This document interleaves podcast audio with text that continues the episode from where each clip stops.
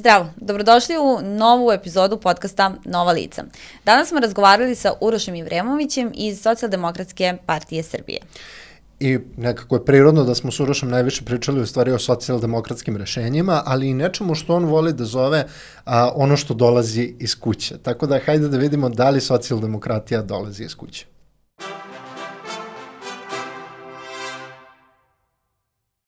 Zdravo Uroše, Zdravo. dobrodošao u podcast Nova lica i drago nam je što si opet sa nama. Drago mi je što sam s vama, kod vas je onako uvek lepa domaća atmosfera, tako da hvala što ste me pozvali. Da, i hvala podcastu RS na, na lepoj ovaj, atmosferi, ovaj, mislim da je lepo i to da kažemo. Ovaj, a, Pa ne znam odakle da počnemo. Svi kažu od početka. pa da, uglavnom od početka, ovaj, sad nekako i, naš, ovaj, i naše poznanstvo i neko druženje od ranije i slično mi sad otvara gomilu, ovaj, gomilu tema u glavi, ali hajde možda to što i mi možda znamo i što, što je u nekom prošlogodišnjem serijalu smo odgovorili na neka pitanja, možda nije loše, imamo i neku novu publiku, pa ajde što ti kažeš da krenemo od početka. A, Uroša, otkud u politici i otkud baš u SDP-u? Politika je jedna od stvari koja je bila moj san. Ono, još od kad sam bio mali, možda nisam bio siguran da će to na kraju ispasti stvarno politika, ali nekako je ono, uh, govorili su mi horoskopski znak, ovna uvek ide uz politiku i ne znam ja šta i onda je to možda neka, neka od, da kažemo, tih nekih kosmičkih priča, ali sada ozbiljno, ovaj, u nekom trenutku sam uh, poželao da se bavim politikom, uh, da uđem u taj javni život, da poradim na nečemu, da se nešto poboljša, promeni i da, da, da, da nešto, nešto ispravimo, a uvek, uvek ima prostora da se nešto ispravi. I jednog dana sedeo sam s ocem, pričao o politici, gde šta kako može, razmatrali smo razne neke stvari i onda sam došao da, da je SDS Rasima Ljajića ono, priča koja se meni sviđa, priča mi, sviđa mi se uh, njegova priča, njegova ideja politike, njegovo delovanje u politici, tako je sve počelo te 2015. godine. Mm -hmm. Ovaj, pomenuo si oca, odnosno ovaj, i, i mi negde kad, pošto pokušavamo da dođemo do toga ovaj, šta je to što mlade tačno motiviše da se zapravo bave politikom? I uvek napominjem i kad ja pričam ovaj, kako sam došla do toga da upišem političke nauke, da me interesuju ove teme, tako što sam sa dedom gledala Skupštinu i tad su bili Batić, Šešelj i ne znam nija ovaj, ta, ta nekadašnja lica Stara parlamenta, garnitura. da. Ove, I meni je to bilo užasno zanimljivo, ali ajde kažem da, svakako iz kuće to negde je ove, krenulo. Pa e, me zanima e, da li, to jest šta ti misliš na osnovu čega mladi danas nekako najviše formiraju neko svoje, ne, neki svoj politički stav ili kako se to opredeljuju najpre, e, da li će biti simpatizeri ili članovi i članice nekih partija? Pa evo baš kad si spomenula kuću, to je nešto za što se ja stalno zalažem da je to temelj svega, osnova svega, tako da e, iz kuće treba sve da krene. E, što bi ja rekao, stalno moraš da vidiš da li je u tvom dvorištu čisto i prvo da očistiš svoje dvorište pa da kreneš dalje. Tako da to je, to je neki razlog da sam ušao u politiku, a sada mladi e, ulaze u politiku iz raznih stvari. Neko ulazi iz nekog interesa, nekog ulazi iz nekih instant stvari, a politika ne može ništa da ti donese instant, ne politika nego ništa u životu. Znači, moraš stalno da radiš na sebi. E, ja sam od 2015. do 2023. gradio sebe u politici, na poslu, e, školovao se, obrazovao se, tako da sve je to nešto što konstantno moraš da radiš. I sad, kako mladi funkcionišu? Dođu u političku partiju, očekuju sve, to se ne desi za mesec dana i odu redko koji uzmu i, i kažu, e, čekaj, ajde da vidimo šta treba da uradimo, šta možemo da poboljšamo, daj da pokažemo ono što smo mi, e, što smo mi učili u školi, što može da se implementira u tu stranku da bi se, da bi se nešto novo razvijalo. Tako da, ne znam, ne znam, ne znam šta bi još rekao na tu temu, ali sve u svemu, e, mislim da mladi trebaju više da imaju učeće u politici. Možda ne direktnog učeća u politici, ali trebaju da budu posmatrači u politici, trebaju da se donekle razumeju politiku, trebaju da znaju ko im je na vlasti, ko je mhm. ministar, čime se taj ministar bavi. Mhm. Možda je malo potrebno više, više nekako opšteg obrazovanja o politici pa bi se onda mladi možda i više aktivirali u politici, eto tako da E, kažem. super je ovo uvod za nešto što, mislim, sad htio sam da, da, da, da ti pitam nešto sasvim drugo, da, na, na konta onoga za očistiti svoje dvorište, ali doći ćemo i do toga. Ali sada kad si ovo pomenuo, a, trenutno se naš obrazovni sistem suočava sa time da je, a, da, da je predmet Ustavi prava građana ukinut u srednjim školama od generacije 2004, čini mi se pa nadalje. A, šta misliš o tome uopšte? Koliko je, da li, da li, da, da li postoji neki realan razlog za to ukidanje i da li misliš da je to uopšte dobro? I sa druge strane, da li onda postoji neka opcija šta bi trebalo uvesti umesto toga da bismo upravo postigli ovo o čemu si pričao, a to je neko opšte, opšte znanje u političkim i Da. demokratskim procesima. Pogotovo što ni građansko vaspitanje nije, nije, Nije obavezno. obavezno, nego je A i nema neki ni program sad fiksan, da. Da. Tako, mislim, iskreno ne znam zašto se to desilo. To je najiskrenije. Uh, ja kada sam išao u srednju školu bilo je uh, građansko vaspitanje, bila je veronauka. Mm. Ovaj, I mislim da, da, su, da su ti predmeti korisni. S tim da se naša partija između ostalog i kroz neke svoje programe zalagala da a, bude a, ne samo da bude veronauka kao veronauka, nego a, kao da bude a, da bude o, o, neki predmet o verama, zato što Mhm. imamo mnogo više vera. Kao što znate, u našoj partiji ima dosta ljudi koji su i islamske vere i koji su pravoslavne vere, tako da trebamo nekako sve to da pokrijemo. I opet da naglasim, naš predsednik Rasim Ljajić je čovek koji je nekako malo smanjio tenzije koje su, koje su nekada u nekim davnim godinama postojale i smanjio tenzije u tom pravcu, tako da misli, mislimo da ono treba da se uvede taj, taj predmet eh, nekako širi od, od veronauke. Mm -hmm. Mm -hmm. Da, ovaj, pomenuo si upravo te uh, tenzije i nekako mi se nameće konstantno slika, imali smo i, i ove godine, nažalost, neka tragična dešavanja ovaj, kada je reč o, o, o mladima i o bezbednosti mladih, a nekako i, i kroz istoriju smo imali različite primere, mislim, u regionu, prosto sukoba i ne tako lepih stvari. Pa, e, generalno, kako ti se čini, na kom smo nivou tolerancije a, nekako međusobne, što u našoj zemlji, što sa našim komšijama? Tolerancija, ne znam, sve manje postoji, postoji u društvu. Što se tiče samih ovih tragedija koje, koje su se desile kod nas, ja sam bio totalno slomljen što se toga tiče. Ono, nije, nije patetično slomljen, nego stvarno to je takav poraz koji se desio. A, S tim da opet e, dosta ljudi uprlo prstom u, u, u sistem da je zakazao. Ja ne mislim samo da je to problem sistema, ja mislim da je to problem uh, porodice koja je opet osnova sistema. Uh, zašto se sve to desilo? Ko je radio sa tom decom? Uh, da li su dovoljno bili sa tom decom? Znači, uh, porodica je uh, sve što ti je, mislim, osnova, temelj svega svakog društva je porodica. Uh, meni, evo, sada se dešava da mladi uh, ne znam, viču na profesore, imaju svoja prava.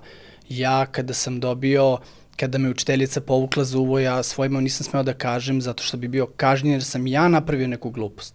Znači, sve je, sve se pomerilo totalno u, u, tom, u tom sistemu. Znači, moramo da radimo temeljno od kuće, moramo da se obrazujemo, moramo da, bud, mislim, imamo jedan veliki posao koji treba da, mislim, ja planiram da zasnujem porodicu, poženio sam se prošle godine, da se pohvalim. Čestitamo. Hvala. ovaj, i, i, I konstantno pričamo o tome šta će biti u budućnosti, kako da, kako da, da, da, da mi napravimo naš sistem. Čak smo došli do ideje da napustimo grad, -hmm. da odemo na selo koje je blizu grada, da tako zaštitimo našu sutra ono, buduću porodicu, da, da, da jednostavno nekako se izmestimo. Ali opet to je, s jedne strane, ja kao politički akter, ja uh, malo je sebično jer ću pobeći, ali opet mm -hmm. neću skroz mm -hmm. pobeći, bit ću tu da, da, da radim. Tako da baš volim da pričam sa, sa prijateljima i sa celim svojim okruženjem na, na tu temu, da je porodica temelj svega i uh, na svakom skupu, na svakom obraćanju ja stalno forsiram da je porodica temelj svega, tako da mm -hmm. treba da poradimo više na, na to temelj porodice. Ne, zanimljivo mi je jer pominješ porodicu i pominješ to da, da manje više sve ide iz kuće, koliko god to zvuči kao nekakva floskula, ali manje Ni, više nije jeste. floskula. A, I e, evo ja recimo, moja porodica i to što i moja sestra je isto politikološkinja i uh, negde u mojoj kući nikada nije, znaš, meni je bilo šokantno kod me, mene su dve stvari kad sam počeo da budem aktivan u civilnom društvu su me ono otreznile. Jedno je položaj žena i drugo je abstinencija. Znači, to su dve stvari koje sam ja bio previše ušuškan u nekom idealnom svetu kod kuće oko toga, gde kao su moji roditelji i moja sestra i ja smo, bez obzira ko je kog pola roda i ostalo, apsolutno bili ovaj, ravnopravni. A sa druge strane, da li se ide na izbore i da li se glasa, nikad nije bila ni tema da li, nego je bilo kao, tako to je, je normalna tako je, stvar. Tako da, je, to je da. naša građanska dužnost koju treba da ispunimo. Tako je. E, I sad s tim u vezi, a gde misliš da je, da, da li mi sad treba da budemo fokusirani na mlade u smislu kao kako sad mlade, da, nekako da utičemo na mlade, da oni sad kad zasnivaju porodice utiču na svoje porodice ili treba da utičemo negde i na roditelja. Znaš, kao, gde smo tu? Sad ti si na nekoj, nekom prelazu sad ovaj, i životno i karijerno, reto pomenuo si da si se i oženio i karijerno da, da, da, da se razvijaš što se tiče partije i ovako, a sa druge strane jesi u partiji koja je dosta dugo, jeli, kontinuirano prisutna u, u, u institucijama. Tako je. Ovaj, gde ti kao, kao mlada osoba i gde vi kao partija vidite da je, da je ključ toga da mlade ljude motivišemo da više učestvuju u, u političkim procesima? E, kad si spomenuo, uh, kad si spomenuo mene, i, i, i šta mi trebamo da kažemo našim roditeljima, odnosno našoj deci, mislim da su moji roditelji završili jedan dobar posao. Uh mhm. -huh. Oni su radili dugo na tome, uh, Eh, bili su strogi, bilo je malo dobar policajac, loš policajac, ali uh, bili su strogi, odnosno otac je bio strožiji i uh, mislim da su me od, odveli na pravi put. Mhm. Ja sam uh, završio školu, završio mučku školu, bavio se paralelno košarkom i, i stalno su, su vodili računa. E sada dolazi onaj teži, teži deo. Koji smo stalno mislili da je našim roditeljima lako. A teži mm -hmm. deo je da sad ja zasnujem porodicu i da se brinemo o tom, da kažemo, gnezdu i da, i da, i da ja sad izvedem njih na pravi put. Ali i to sam spominjao stalno. Ja sam kasno ušao u brak, po mom mišljenju, sad mm -hmm. 30 i nekom godinom. Uh, ja ću svoju decu, uh, da, mislim, terati, neću terati, Savetu. Savetu, postaći da uđu mlađi u brak. E, mladi ljudi nekako kasnije, kasnije uđu u brak i, i, i onda se, i, i to je deo opet koji se poremetio. E, ima ljudi koji reše da uđu u brak sa 40, 50, e, sve manje je mladih roditelja. Uduševio sam se neki dan baš u, u, u Novom pazaru, sam upoznao dečka iz Kragovica koji je 95. godište, koji ima troje dece. I ja sam mhm. bio u fazonu svaka čast, on kao, nismo stali, kao idemo dalje. Mm -hmm. E sad ide taj težak zadatak što se tiče njega da izvede decu na pravi put i onda da ih uči jedno po jedno e, ponašanje škola, ovo ono i naravno dolazi do onoga izbori da trebaju svoju građansku dužnost po nekom svom, svoj nekoj ideologiji da, da izađu i da, da, da, da urade. Mm -hmm. Meni je baš zanimljivo to kada, kada pričamo o porodici, kako si ovaj, rekao, s jedne strane um, porodica, briga o tom gnezdu, s druge strane ovaj, da nije to možda da je to osnova zapravo sistema, ali nekako mi se čini da sve druge oblasti koje takođe čine taj sistem i tekako utiču danas na tu porodicu. Mm -hmm. Roditelji preko vremeno rade da bi mogli da Nažalost. uopšte zarade za, za te učbenike i da pošalju decu. Što pričamo o besplatnom obrazovanju, ja znam da moji roditelji su se takođe mnogo namučili da bih ja mogla da dođem u Beograd, završim fakultet i danas sebe nazivam jel, akademski obrazovanom osobom. Um, tako da, i, i pritom, ovaj, ja sam jedinica, dakle, moji roditelji roditelji su imali samo da obrazuju mene. Ma vidiš. Ove, a kamoli... Mo, morao Šalim se, morao okay. je. Ove, ali, dakle, nekako kada imate dvoje, troje dece danas u Srbiji, to je ozbiljan poduhvat. Jest. Uh -huh. I ekonomski i, i u svakom drugom smislu. Pomenuo si taj potencijalni odlazak na selo i to je recimo nešto što ja čujem zapravo i od naših vršnjaka sad već ovaj sve više, uh -huh. da razmišljaju zapravo o tom ne, nekoj, nekoj vrsti zaštiti i privatnosti i porodice i odlasku na selo. Ali koje su sad tamo zdravlja. i mentalnog zdravlja, tako je. Ove, ali sad koje su mogućnosti tamo ekonomske zapravo da se takođe zaradi, ajde da kažem, mm. dovoljno pa da se ta deca izvedu na taj pravi put, da se plati muzička škola, da sve to što treba da se obezbedi, se obezbedi. Tako da, s tog ekonomskog aspekta, koliko je zapravo teško danas izazovno imati porodicu? Pa, mislim, jeste teško izazovno. Verovatno, gledajući iz ovog, iz ovog nekog Google-a, uh -huh. niko od nas ne treba da ima porodicu, jer je jako teško, teško je stvoriti, teško je doneti, ali uh, malo pre si spomenula uh, radno vreme. To mi je jako bitno. Uh, ja radim na Beogradskom sajmu. Moji roditelji su radili na Beogradskom sajmu. Njihovo radno vreme je isto kao i moje radno vreme. To je radno vreme koje je od 8 do 4, ali kada je priprema sajmova, mnogo je duže. Mm -hmm. I kod mene je tako. I ako su oni uspeli da meni i brate izvedu na pravi put, pa zašto ja to možda ne bih uspeo da uradim? Mislim, mm -hmm. trudit ću se stvarno. A što se tiče sela, e, jeste teško. Mislim, bit će teško. Slažem se.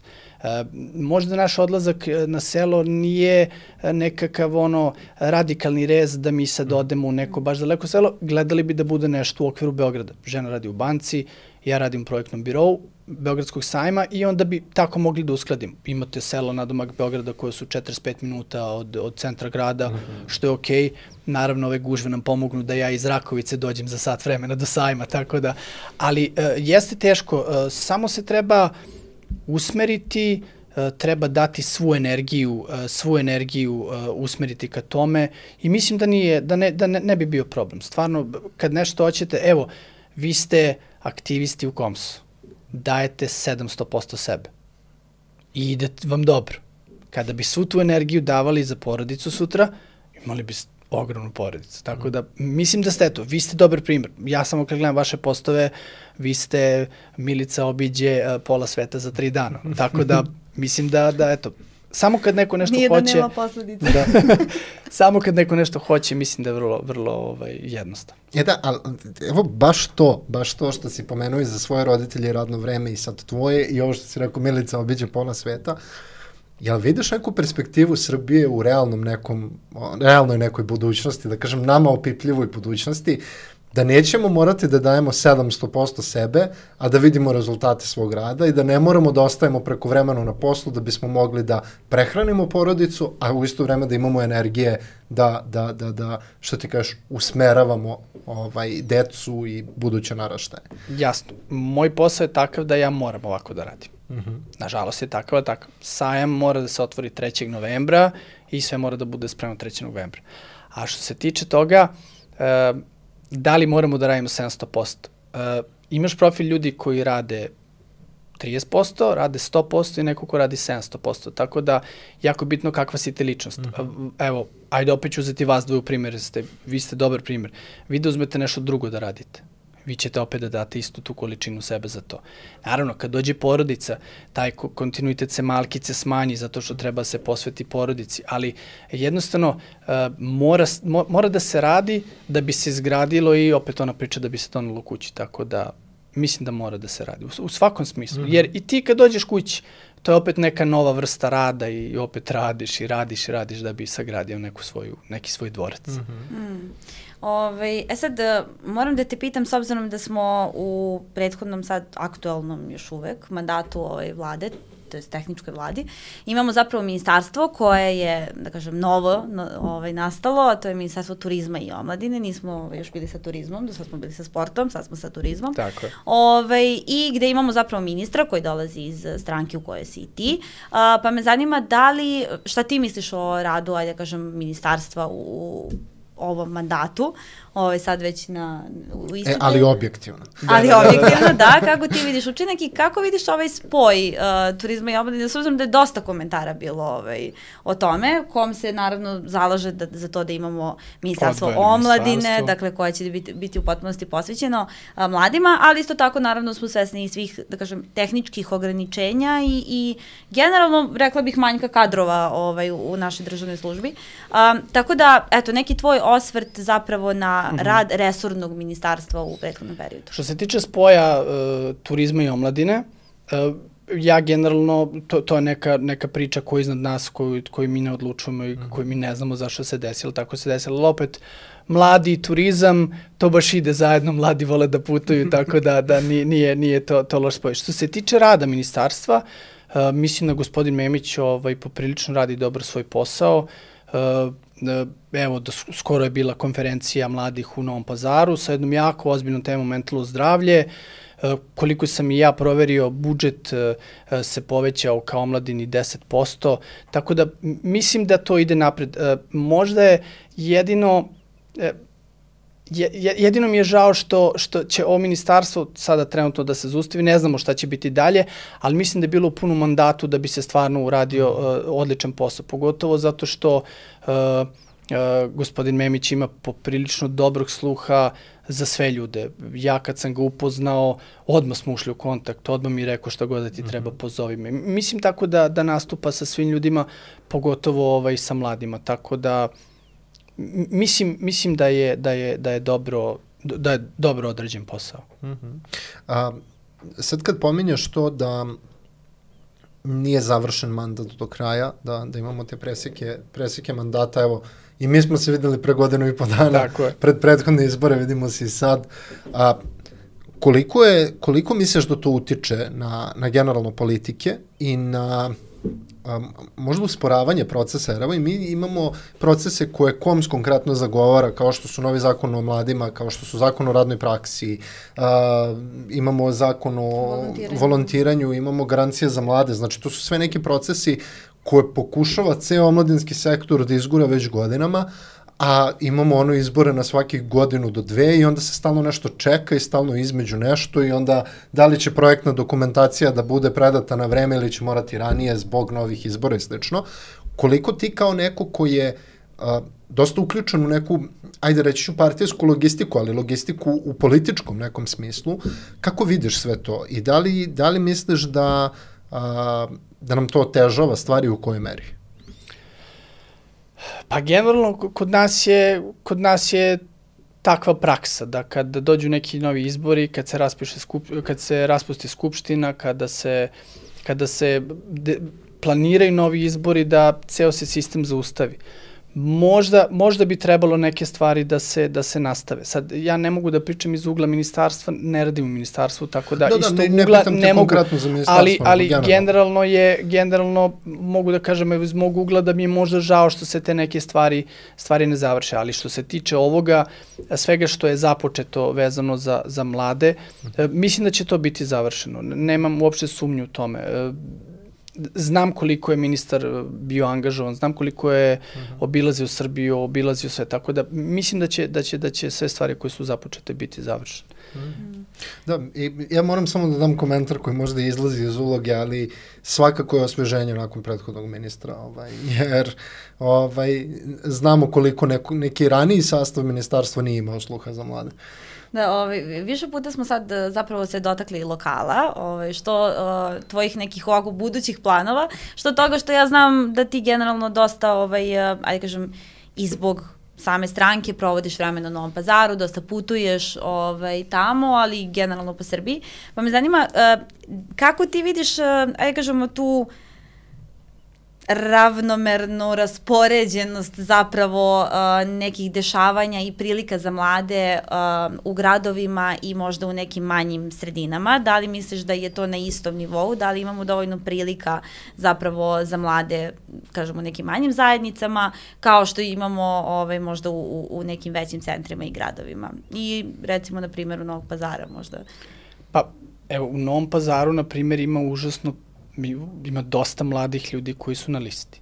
Mm -hmm. I imali smo i dalje imamo pomoćnika, pomoćnika gradonačelnika, gradonačelnika koji je sa 25 godina postao pomoćnik gradonačelnika. Jedan jako perspektivan, jedan, mm -hmm. jedan perspektivan mladić. Mm -hmm. Što je naša generacija. Jeste. Mm -hmm. uh, divan momak. Uh, I po ostalim listama imamo mladih. Sad imamo na listi uh, autonome pokrene Vojvodine, mm -hmm. imamo nekog od mladih. Znači, trudimo se da, da imamo dosta mladih e, na listama i da, naravno, to su sve obrazovani, perspektivni ljudi koji, koji mislim, kod nas, ono, zvučeće smešno, kod nas u stranci su stvarno obrazovani, perspektivni ljudi. Mislim, mi nemamo, da ne kažem neku pogrešnu reč, ne znam, ali stvarno ljudi koji hoće da se bave i hoće da se bore. Drugo, i to je nešto što, što spominjem, omladina Novog pazara je ja to ne mogu da vam opišem. To je, to je jedna pozitivna vojska koja ide i radi, i bori se za svoj grad i gradi, mislim, stvarno nemam, nemam reči. Ja im kažem, da li ja mogu, imate reko banku, o, pošto meni gospođa radi u banci, imate reko banku u, u Novom pazaru, imamo, e, premestimo ženu u, u, u pazaru u banku, a ja ću da dođem, rekao, da, da radim sa vama. To je stvarno lepo gledati. Mm -hmm. Stvarno lepo gledati. A, jeste, i mislim da je redi da pomenemo da je Novi Pazar najmlađi grad mm. najmlađi Evrope. grad, jeste. Ovaj, I generalno jedna sredina za koju se ja često uhvatim i kažem šta je to u pazaru što ljude drži tamo. Znači mi kao, kao društvo u Srbiji, ne samo u Srbiji, generalno balkansko društvo imamo problem sa odlivom mladih i, i gomilom mladih koji odlaze u inostranstvo i vrlo malo njih se vraća, a Novi Pazar je ono i, i ne samo samo Novi Pazar, Raška oblast ili Sandžak generalno ima ima tu tendenciju da mladi a, iako odu vrlo brzo se vrate i ulažu ovaj a, tu. Jel si ti možda uspeo da prokrivuješ to što se ja stalno pitam i što stalno pitam mladi iz Novog pazara. Znači, uključujući i neke mladi iz vaše partije ko, sa kojima se sretnem tamo nekad i nikad nisam dobio ono neki finalni odgovor. Ne, oni su oni su fenomenalni. E, gostoljubivost, e, ja, eto, obišao sam dosta po Srbiji. Gostoljubivost kao u Novom pazaru, ja to nikad nisam doživao. E, da prošetam kroz ulicu centralnu, da mi se ne javi 30 ljudi, čak i oni koji su me jednom videli. Oni jako vode računa o tom međuljudskom odnosu što je opet nešto što je meni jako bitno i na čemu bi ja zalagao neke stvari u svom životu. Znači, jako bitno taj odnos kako te oni prihvataju. Nedavno sam na nekom sastanku sa njima, uh, mislim, sa nama kod njih, ovaj, mm -hmm. priča o tome da ja i, i, i predsednik omladine na Novom pazaru Tarik, da se čujemo za svaki Bajram, da se čujemo za svaki Uskrs, da se čujemo za svaku Novu godinu. To je nešto opet u smislu pomirenja uh, mm -hmm. koje, koje Rasim Ljajić napravio. Mislim, ne pomirenja, nego zbližavanja ljudi da jednostavno uopšte nije nije ključna stvar koje si vere, samo je ključna stvar da si dobar čovek i, i, i to je to. Mm. Ovaj, da, mislim da nekad uh, zaboravimo ta, te osnove koje treba da postoje i koje treba da nam, da nam budu neke uh, ključne tačke i oko čega ne treba da bude zapravo... E, uprosti, ali to je opet ono kuća. Kuća, da. Mene su kući učili da je Franjo, Mirko i ne znam, Suad da su podjednake osobe. Nikad nisam to imao u svojoj glavi da je to nek, znaš, nešto. Mm -hmm. Znači imaš ono, dobri ljudi, loši ljudi. Ne, mm -hmm. treće ne postoji, ne postoji mm -hmm. podela treće, ono. To je... Ne, i, I onda čak dođeš do onoga kao, da li on stvarno loša osoba ili ima neki problem koji ga tera na to da se da postupa ovako. Znaš, kao i onda na kraju dođeš do toga da u stvari cijela ta priča o nacijama, etnicitetu, verama i slično nema nikakvu osnovu za, za nekakav konflikt ili bilo šta. Da Tako da je, je mislim, samo... bilo kakve različitosti, mislim, zašto ljudi pričaju o tome. Mm. Mislim, mi se stalno i borimo to, antifašizam, antipopulizam, antinacionalizam. Na tome treba da se, da pored toga zasnuje. Ali opet, bit ću dosadan, sve kreće. od kuće. A ovaj, šta misliš, zašto onda, kako bih rekla, uh, zašto nemamo onda veći broj mladih u, u političkim partijama? Zašto kada pitamo mlade, oni kažu mi nećemo mi u to blato da se miješamo, ne želimo da misle da smo tamo zato što, da nam treba partijska knjižica da bismo dobili posao i da bismo onda ušli u to vrzino kolo, da, da opstane ta porodica i sve ostalo.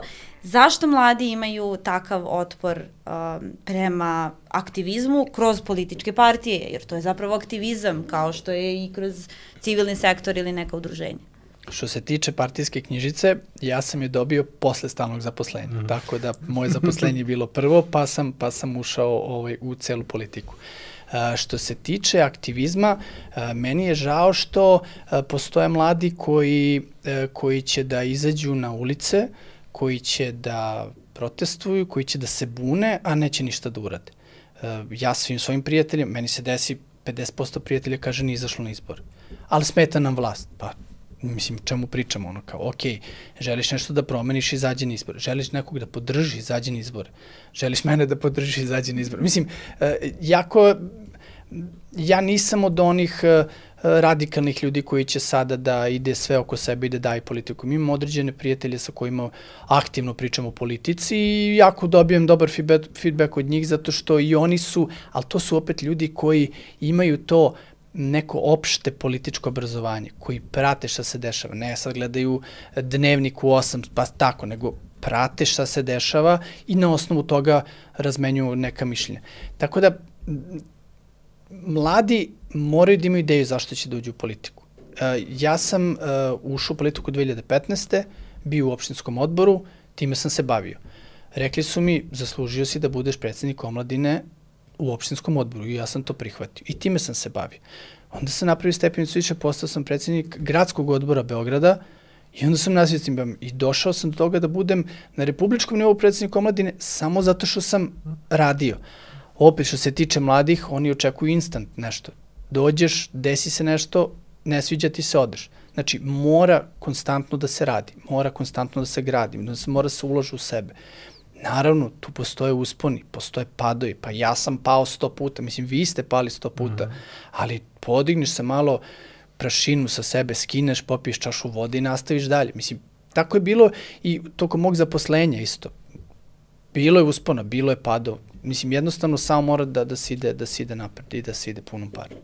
Ne, meni je zanimljiv taj fenomen, ovaj, da, da, da pominjemo to da, mislim, i mi u alternativnom izveštaju stalno dobijamo jedan od glavnih odgovora što je glavni preduslov za zaposlenje, partijska knjižica bude uvek uh, u vrhu, a onda na pitanju da li ste član političke partije imamo samo 6% onih koji ili jesu ili su ikada bili.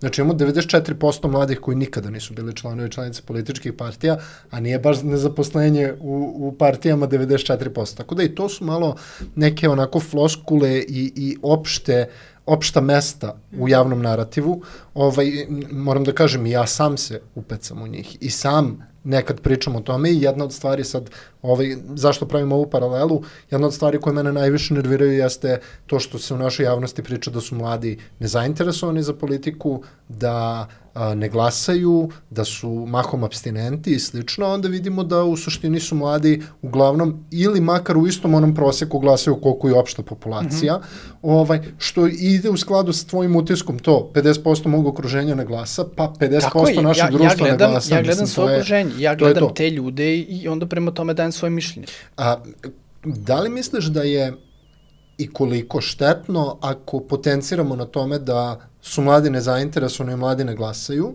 i da li ih time potencijalno one koji jesu abstinenci, u abstinenciji guramo u dodatnu abstinenciju ili bi možda trebalo da promenimo ovaj, taj narativ tako da ih motivišemo da, da budu više uključeni u, u, u, u političke tokove? Evo, konferencija za mlade je bila super priča. Bila je super tema možda treba napraviti još punu konferencija za mladih na druge teme i u te teme ubaciti neke političke, uh, političke dodatne teme. Mm -hmm. I onda pričati sa mladima kako da se oni približe politici. Opet, ne moraju da se aktiviraju politici, ali da se pri, približe u to opšte dešavanje u državi. Mm. I iz toga bi možda oni mogli da, da, da razmišljaju kako da, kako da, da, da, da, da se opredele za nešto da glasaju opet, ja sam ti pričao iz mog ugla. Sad, ne znam tačno kako ide statistika, ali u mom društvu 50% ljudi glasa, 50% ljudi ne glasa. Mm. Mislim, to je poražavajuće, ih sve, sve a, a opet to su ljudi koji pričaju o, o, o nečemu da su nezadovoljni. Imaš drugu, drugu ovaj stranu ljudi, ljudi koji su zadovoljni, ali zadovoljni svojim poslom i svojim učinkom i svojim finansijskom pričom i njih uopšte ne zanima šta se dešava u zemlji. Ali mm -hmm. to opet ne sme, ne sme to tako da bude. Treba da budu uključeni. Treba da odu da glasaju. Treba, treba, treba. Znaš, ono kao, Istina, trebaju treba. na sve to, trebaju da se, da se aktiviraju.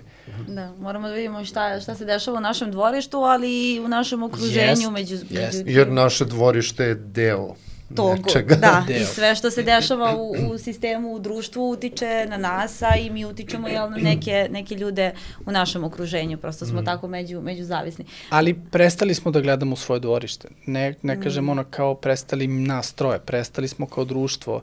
Uh, ljudima, na primjer, smeta sistem, a ne smeta im što im je prvo ispred zgrade. Čekaju da dođe neko od neko da ide nešto očisti. Mislim, neka izađu sami sećate se, ono, sad malo van svega, drug Tito i to, radna akcija, krenimo tamo vamo i, mm -hmm. da se to odradi od 5 do 7 je radna akcija. Ne, ne znam, ja čistim ispred moje zgrade. ali ne čiste svi, ono, mislim, kao možda je tu čisto, ali nije pored, a sutrada ni kod mene nije čisto, ali opet neko isprljao.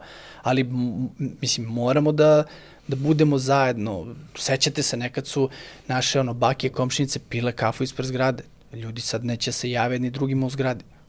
To... Samo anegdota, mislim, kako god, ali znaš šta me najviše iznervira? Kad izađem da prošetam psa ispred zgrade i kada krenem da pokupim njegov, iz, odnosno njen izmet za njom, izgazimo izmet psa nekoga Drugog. ko nije pokupio za svojim psom. Jer kao nemamo mnogo lutalica u naselju i kao i te lutalice uglavnom ne idu tuda, tako da tu se jako iznerviram. da, ja sam htela zapravo još samo da te pitam vezano za, mislim, naravno ekonomski aspekt uh, jeste, jeste težak, što za nas kao mlade osobe, što za nas kao buduće mlade jel, roditelje i, i naše porodice, ali isto tako i, i prosto neke okolnosti u kojima živimo i tekako utiču na kvalitet našeg života. Pomenuli smo ove tragedije, ali imali smo pandemiju pre toga koja je isto tako dosta uticala na mentalno zdravlje i generalno zdravlje ovaj, pa svih građana, rekla bih, pa onda i, i mladih posledično.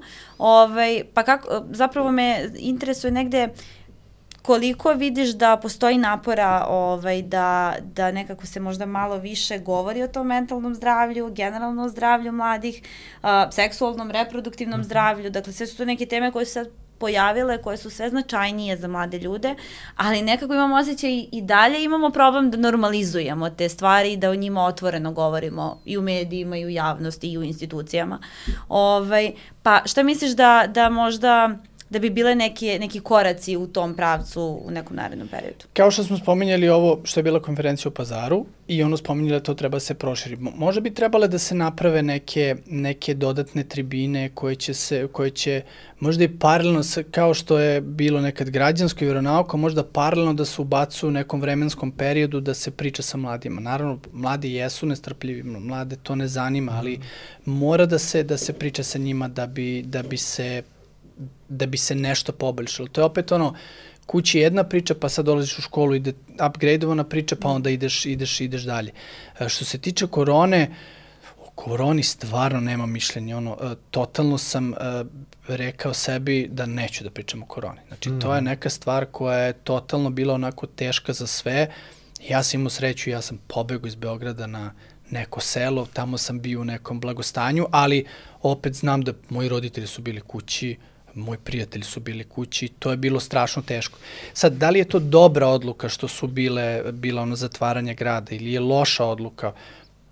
Iskreno da kažem, ne bi to da komentarišem. A opet, da i ne možemo da znajući, da poredimo, nemamo tako, dve. Znajući srpski narod, znaš ono, da smo slobodni, pa mi bi pravili žurke. Mislim, ja znam da, da su bile neke žurke za vreme korona, tako da, da je, da je bilo otvoreno, to bi, to bi, to bi ono totalno, totalno otišlo. Ali e, treba da se radi na mentalnom zdravlju. Treba praviti tribine. Možda vi kao krovna organizacija mladih trebate da napravite dodatno neke tribine, neke obuke, nešto što god vam padne na pamet. Naravno imaćete podršku od mene ako vam bude trebalo, ali treba pričati, pričati sa mladima. Zato što postale su, postali su neki e, čudni fenomeni su postali ugled. E, ja sam počeo da, ja televiziju skoro ne gledam, pročitam novine, poslušam vest, televiziju, on, daleko da kažemo nešto ne gledam, ali kad pogledam po YouTube-u šta je neko nekome idol, ja sam zgrožen. Mm. Ja sam zgrožen. Tako da treba pričati, uh, možda treba biti nekad malo agresivniji u toj priči da se da se nametne, ali da se nametne nešto dobro, ne da se nametne, ne, ne znam nija šta, ne ču, da se na, nametne neka dobra priča. Um, čuo sam skoro uh, statistiku, bio sam zapanjen. 95% deca ne zna da se popne na drvo. Ja sam bio po drveću non stop kad sam bio mali. Deca više nisu toliko ni aktivna. E, telefoni su nas... E, telefoni su nas pojeli, ono, osjećam mm -hmm. se kao u Matrixu, bukvalno, mm -hmm. što se telefona tiče. Bukvalno. Tako da, mislim, da, moj konačan odgovor je da, treba raditi na mentalnom zdravlju.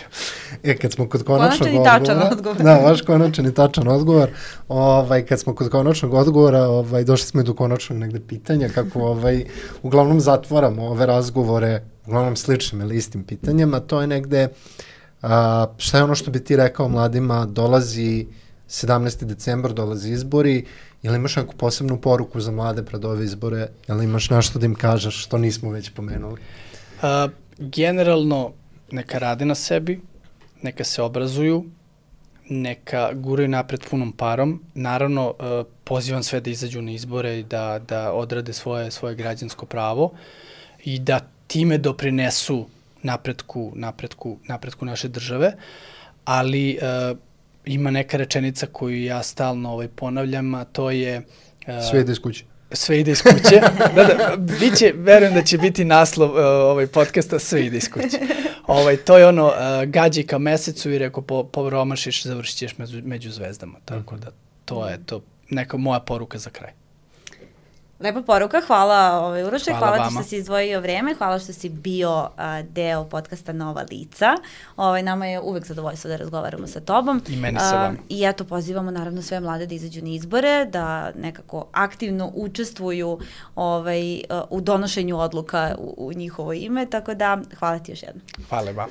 Hvala. To je to.